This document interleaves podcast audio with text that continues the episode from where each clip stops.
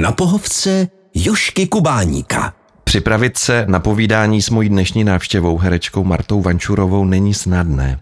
Rozhovory totiž téměř neposkytuje a to proto, že už prý všechno řekla a její trapné opakovat pořád dokola stejné věci. A když se k tomu dozvíte, že čím je starší, tím má větší chuť mlčet, tak uznávám, že se budu následující minuty pohybovat na hodně tenkém ledě, ale i tak to zkusím. Dobrý den. Dobrý den. Tak ono to platí jenom někdy, tak to, co jste říkal. Jenom někdy? No, no. A teď to zrovna máte jak? Mm, Teď se těším na rozhovor s vámi. A víte, že by mě s vámi bavilo jenom tak mlčet? No ale po telefonu je to těžký mlčet. To je pravda. A souhlasíte s tím, že mlčení může říct někdy mnohem víc než tisíce slov? Ano, ano, ale záleží na tom, s kým mlčíte. Hmm. Tak jak kdy. A prozradíte nám, s kým ráda mlčíte vy? Já se svojí kočkou. A prozradíte, o čem mlčíte? To jak kdy. Hmm. A když jste byla malá, tak jste byla také mlčenlivá, nebo jste spíš byla ta Ne. ubrebentěná holčička? No, já jsem byla vždycky taková, mm, tatínek o mě psal babičce, že jsem hloubavá, když ji chtěl připravit na vnoučata. Ona nás měla vždycky o prázdninách, Mhm. Jenom o prázdninách, protože bydleli v Kolíně. Mhm. Tak eh, taťka jí vždycky psal v dopise, jaký jsme s bratrem, aby se na nás nachystala. A vím, že tam stálo, že jsem hloubavá a přemýšlivá, tak já nevím, tak jestli se to se mnou táhne od dětství. Hmm. Jak se to projevovalo, ta hloubavost, přemýšlivost? No, tak o věcech jsem přemýšlela, no. A já jsem spíš introvert, tak Mhm. to je asi to. A byla jste trošku své hlava? Hodně. Byla. To jsem měla právě po tatínkovi. Aha, víte, proč se na to ptám? Protože jsem se dozvěděl, že když si vás po zkušenostech se zpíváním pan režisér Josef Henke vybral, abyste v rozhlase natočila jednu z hlavních rolí v rozhlasové hře Malba na dřevě, tak byste se styděla před herci, jako byli pan Brousek, paní Janžurová, že vy jste tam zkrátka přestala chodit. No, to byla taková eh, klukovina. Já nevím, proč jsem to dělala, ale já jsem si tak styděla, že nic neumím a že proč tam mám jako být, když nic neumím, tak jsem prostě jsem šla za školu, no. Zazdívala jsem se. ale pan Henke si eh, stejně to prosadil, ale eh, obsadil mě do jiné role, no. Mhm. Měla jste potom podobný stud ještě někdy? Nebo to s rostoucím sebevědomím přecházelo? Pořád jsem trpěla pocitem nedostatečnosti, tak, eh, ale tak to je normální a v tom našem povolání je člověk tak nejistý neustále, že vlastně ta nejistota nás provází pořád, tak eh, jako to je normální. Tak když jste se potom hlásila na damu, to vás nikdo nepřipravoval. Styděla jste se taky? Ne, Ne? no to byla taková nějaká, já nevím vlastně, proč jsem to udělala, ale asi jsem nevěděla, co se sebou. Byla jsem na brigádě v hydrometeorologickém ústavu a měla jsem v plánu jako zkusit nějakou vysokou školu na příští přijímačky a najednou mi zavolal právě jeden asistent od pana Henkeho, s kterým jsem se seznámila při tom natáčení a ptal se, jak se mám a tak a, a říkal, a já stejně nevím, proč ty ještě nejseš na damu. A já jsem říkala, no a co to je damu? No to je divadelní fakulta a za měsíc, že jsou přijímačky a ať se tam zajdu zeptat, ať to zkusím. No tak já nevím, proč jsem tam šla, šla jsem se zeptat na studijní oddělení, oni mi napsali na papírek, co si mám připravit, kdybych se hlásila, no tak jsem se přihlásila a připravila jsem se tak, jak jsem uznala za vhodný a šla jsem tam a oni mě vzali ku podivu, no. Takže to byla taková veliká náhoda, tak ten osud zapracoval. A byl v komisi i pan Hrušínský, který vás potom učil prvním ročníku? Mm, Myslím, že v té komisi nebyl. Já si ho z komise nepamatuju. V komisi byl pan Vejraška, to byl náš ročníkový profesor a pan Spáčil a pan Vicena a další.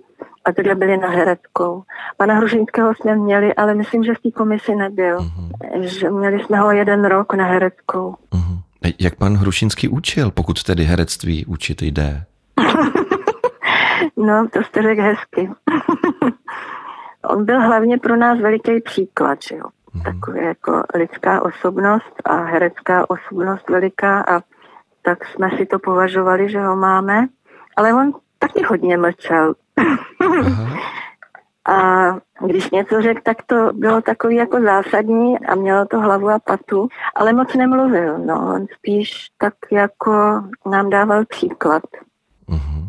A kdyby se vás teď někdo zeptal na herectví, že by uvažoval o damu, co byste mu řekla, jak byste ho popostrčila, nebo naopak, jak byste mu ukázala ten náš svět herectví? Já myslím, že to je potřeba zkusit.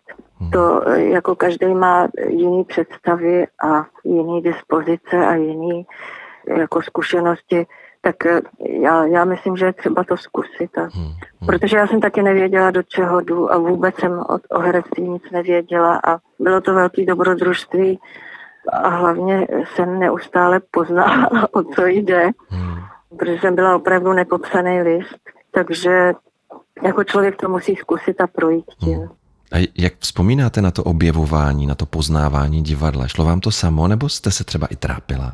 Ne, tak eh, jak říkám, já jsem byla nepopsaný list a tak uh, jsem se učila, pořád jsem se učila, všechno bylo nový. Mm-hmm. Jako tam eh, v ročníku bylo nás asi 19 a hodně spolužáků byly herecký děti. Mm-hmm. Takže z domova věděli, o co jde a, a měli nějakou představu. Já ne, já jsem prostě se rozkoukávala neustále a, a tak ty věci šly sami nějak mě naproti, no. Mm-hmm. Vy jste byli silný ročník. S váma byl pan Lábus, pan Tepfer, paní Hudečková. Lenka Machoninová, Míša Mišková, Jirka Vohanka, Jirka Lábus. Jirka Kvasnička, nevím, uh, Hinek, tak, uh, Eva Trejtnarová, no. Nechala jste se těmi osobnostmi strhávat? Nebo jste si šla svojí vlastní introvertní cestou? Víte co, já jsem ztratila jeden rok tím, že jsem prošvihla ty přijímačky na vejšku, Aha. proto jsem šla na tu brigádu a vlastně jsem byla tím pádem starší než všichni ostatní. Aha, Já jsem byla s Jirkou Vohánkou nejstarší z ročníku, takže já jsem byla docela tak jako už jsem měla nějakou představu uh-huh. o životě. Nebyly to povrchní věci, co jsem tak jako o nich uvažovala. Takže já jsem spíš hledala smysl věcí a tak vlastně jsem si šla za tím, co jsem cítila, že je pro mě důležitý, tak bych to řekla možná. Byla jste prostě hloubavá, jak napsal tatínek. no. Vás ještě na damu oslovil pan Jiří Suchý, abyste hrála v jeho filmu Nevěsta. No. Já vím, že jste byla velká faninka divadla Semafor. To pro vás muselo být zjevení. Bylo? No, byl to zvláštní zážitek, no. Protože já jsem byla ta generace, co stále ty veliký fronty v pasáži před semaforem na lístky. Uh-huh. To jsem vůbec netušila v těch 60. letech, že se někdy potkám s divadlem na to s panem Suchým. A pak najednou ve druhém ročníku přišel na damu, se rozhlídnul a vybral si pár holek na kamerové zkoušky na Barandov a no a já jsem to nebrala moc vážně, protože jsem vůbec nepředpokládala, že bych to dělala. Mm-hmm. Když jsem se viděla, jak mě připravili na ty kamery, já jsem byla na kluka stříhaná. Mm-hmm. A oni mi dali paruku takovou provizorní a nalíčili mě a tak a já jsem si připadala strašně. Takže jsem vůbec nedoufala, že by ho mě někdo zavadil pohled. tak jsem to brala tak zlehka, no. Ale já myslím, že jsem to vyhrála, protože, jak říkám, já jsem byla taková e, nerozkoukaná, tak jsem se pořád rozkoukávala a poznávala věci. Takový tele jsem byla a to právě přesně pro tu roli bylo dobře. Já si myslím, že proto si mě pan Suchý vybral. No. A máte ještě ten medailonek s podobiznou vašeho dědečka, který když no. Jiří Suchý zahlédl, jaký máte na prsou, tak řekl, takhle bych chtěl jednou vyset? ano. Máte? Mám, no. Hmm. A pořád jej nosíte? Mám. Ne, nenosím, to jsem ho nosila na to natáčení, jenom já nevím proč. Chtěla jsem mít asi nějaký talisman. Hmm. Já jsem neměla moc šperky, já jsem to nikdy nenosila. Hmm. Ale tenhle medailonek mi dala babička jako památku po dědovi a tak jsem si ho prostě vzala, no, protože se nějak se mi zdálo, že se hodí. Mm-hmm. Jirka Suchý se jednou zadíval a říkal, kdo to je. Já jsem říkal, to je můj dědeček. A on říkal, takhle bych chtěl taky jednou vyset.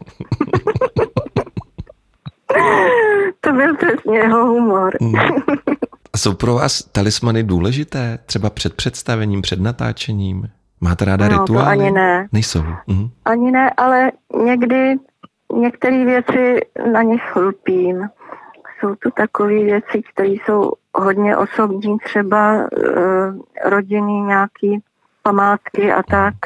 Tak na tom lpím, ale já moc talismany nemám. Hmm. A neměla jste potom chuť být v semaforu? Vy jste zpívat uměla hrát taky? Vy už jste ale asi měla nabídku do realistického divadla, že? To byla taková zvláštní doba, my jsme natočili tu nevěstu, tuším v 70. byla premiéra, hned po té premiéře v podstatě ten film zakázali nebo přestali promítat, protože Jirka Suchý taky měl zákaz.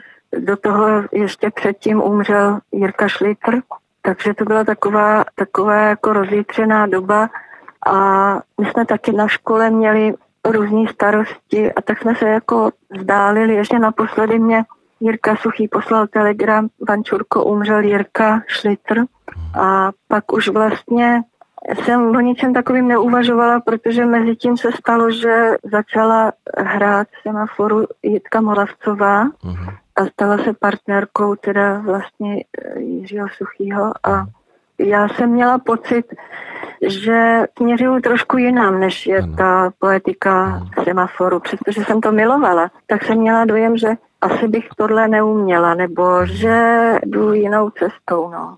Takže mě to ani vlastně nenapadlo. Hmm. Tak vás víc lákala Nina Vrackovi, kterou jste si taky zahrál. No to bylo až mnohem později. Na pohovce Jošky Kubáníka. Já se ještě vrátím k premiéře filmu Nevěsta. Vy jste ji prý protrpěla. Seděla jste v kině Blaník na kraji řady, abyste mohla utéct a úplně spocená No. jste prý nakonec opravdu utekla, jak jste se na sebe nemohla dívat. Co vám vadilo? No to já nevím, jestli jste někdy se viděl. Viděl a je to hrozný pohled. No vidíte. Ale já vypadám mnohem hůře než vy, paní Vančurová. To nejde, já vypadat ale- jako vy. Ale tak každý máme nějakou představu o sobě. Rozumím. Hm. A teď, když se vidíte, tak vidíte samý chyby a Mhm. aspoň já to tak mám. Hm. A ty představy jsou třeba jiný a no prostě bylo to poprvé v tom filmu, takže jsem opravdu týdně to protrpěla, pak jsem honem rychle utíkala pryč po skončení, aby mě nikdo neviděl. Měla jste na premiéře přátelé, rodiče? ne, Neměla? ne, neměla, ne. Ty na to šli sami, já jsem nikoho nechtěla, já jsem si to potřebovala mm, protrpět sama.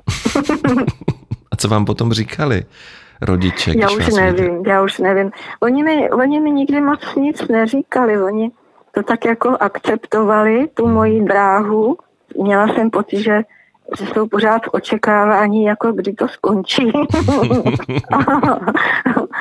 no, já, já nevím, vlastně až mnohem později jsem zjistila, že tatínek si schovával nějaký výstřižky, co vycházely o mě v novinách a tak, nebo kritiky hezký. Ale on mě celou dobu nikdy nic vlastně neřekl, takže to moje snažení bylo trošku bez odezvy doma. Ale pak jsem zjistila, že vlastně na mě asi byl někdy pišnej. Tak A toužila jste po té odezvě? já vlastně nevím, já jsem se jí asi bála. Bála. Asi jsem ani nechtěla, aby mě někdo něco říkal. Hm. A když jde v televizi některý z vašich filmů, tak se nedíváte pořád, nebo už jste si zvykla? Ne. Nedíváte? Ne, nedívám se. Já to mám v paměti jako nějaký zážitek, Mhm. jako nějaký emoce z, z toho natáčení. Většinou si pamatuju jiné věci, než jsou v tom filmu a vlastně se trošku bojím, že by byla zklamaná. No. A co vaši vnuci? Prý vás jako herečku objevili až ve chvíli, kdy jste jezdila na tramvajích. Teda ne vy osobně, ale vaše fotka před premiérou ve studiu 2. no, to jsem měla, vezla jsem vnoučka autem Mhm. přes Prahu a on najednou říká, je babi, tamhle seš ty.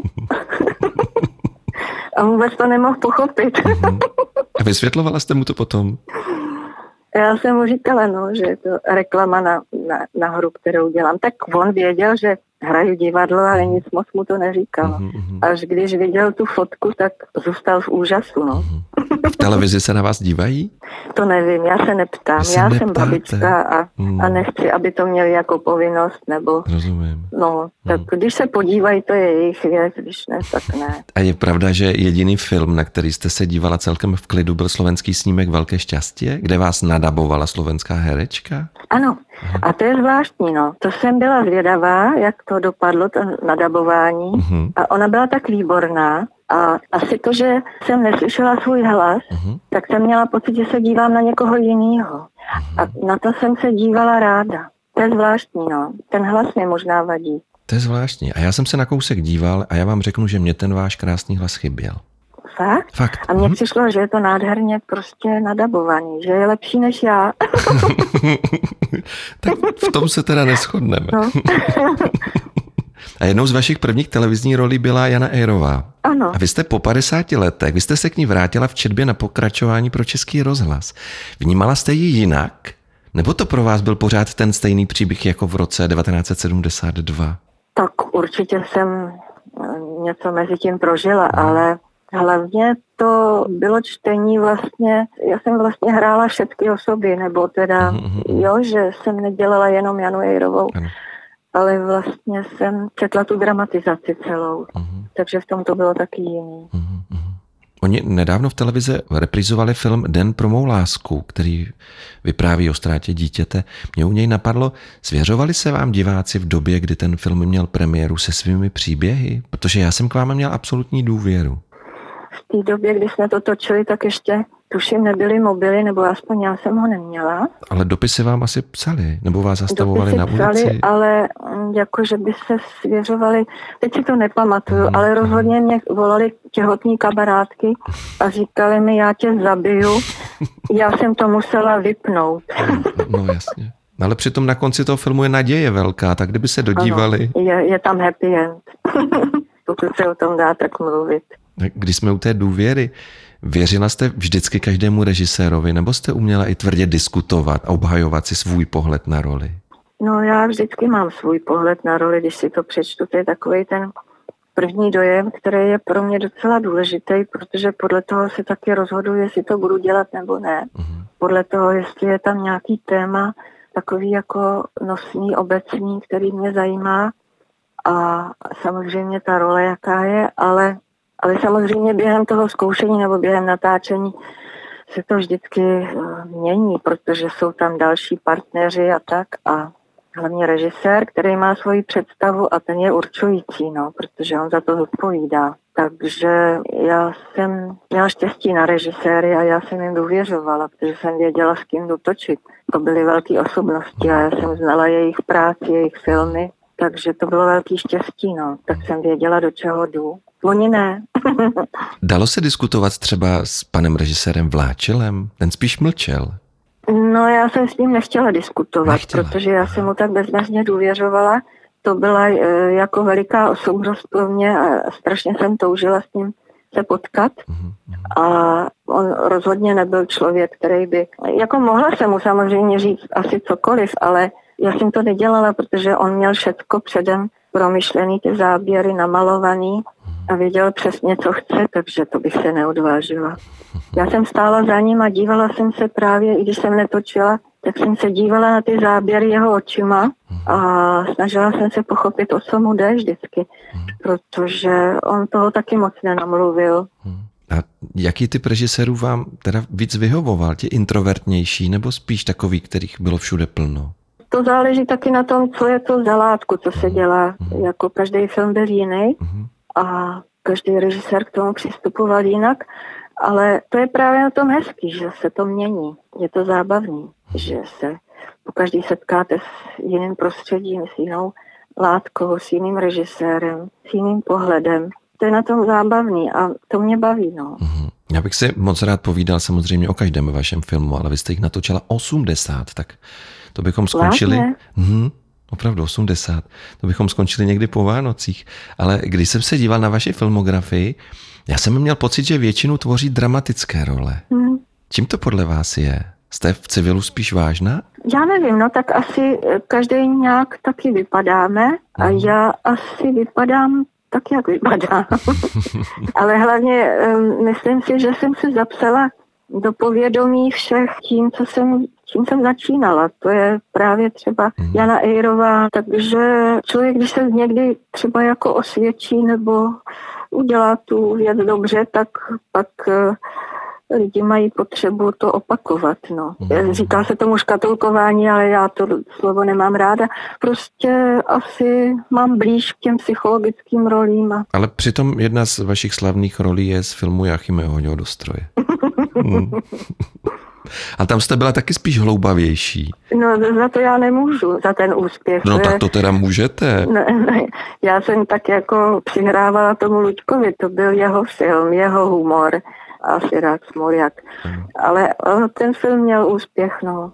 Já myslím, že tam dobře fungoval ten kontrast pana Soboty a vás. Vy jak jste klidnější? No já právě jsem s tím měla trošku vnitřní problém, Aha. protože jsem si říkala, že se k sobě asi moc nehodíme, ale nikomu jsem to neříkala, jenom, jenom jsem si trošku s tím nevěděla rady, protože no, on byl takový jako zvláštní.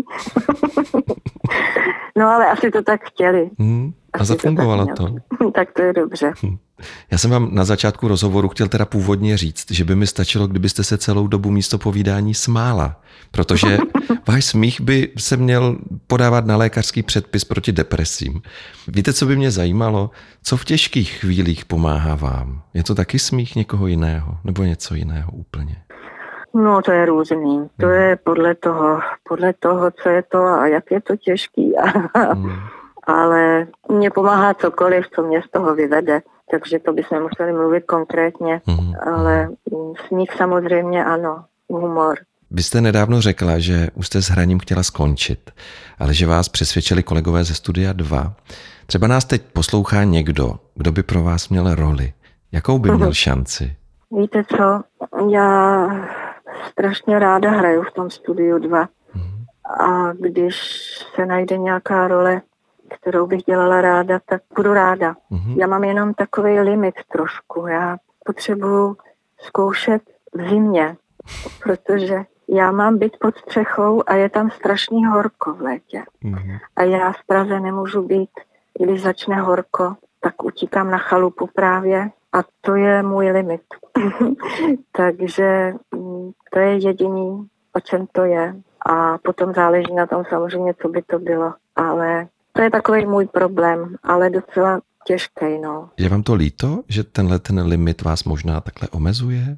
No, na jednu stranu je mi to líto, ale na druhou stranu zase jsem na chalupě a to mi líto není, protože hmm. já jsem tady šťastná, ale ráda bych byla svobodná v tom smyslu, že bych si dělala, co bych chtěla, kdybych chtěla. Hmm. Ale to horko mě vážně limituje, no. Hmm. Já na konci každého rozhovoru svým hostům něco přeji. A já jsem si potom přečetl vaše slova. Vy jste řekla, když dnes poznám, že mě lidé rádi vidí, samozřejmě mě to potěší. Většinou se usmějí a protože mám lidi ráda, usměju se také a často dřív než oni. A já mám dnes, paní Vančurová, přání sám pro sebe. Já bych vás chtěl někde potkat. No, třeba to víte. Přijďte do divadla. Přijdu rád, děkuju. Jmenuje se to Odpočívej ve svém pokoji. S paní Kolářovou. Danou Kolářovou. Hmm. Jsem tam protivná baba, ale to snad nevadí. To je ale těžký protiúkol. Já myslím, že ne, ale uvidíte. uvidíte. Těším se na to. Moc vám děkuji za rozhovor a Přeju vám za... samé důvody k úsměvům. Děkuji, děkuji, já vám taky. Krásný podzim. Mějte se hezky. Naschledanou. Naschledanou. Mým dnešním milým hostem byla herečka Marta Vančurová. Naslyšenou. Na pohovce Jošky Kubáníka.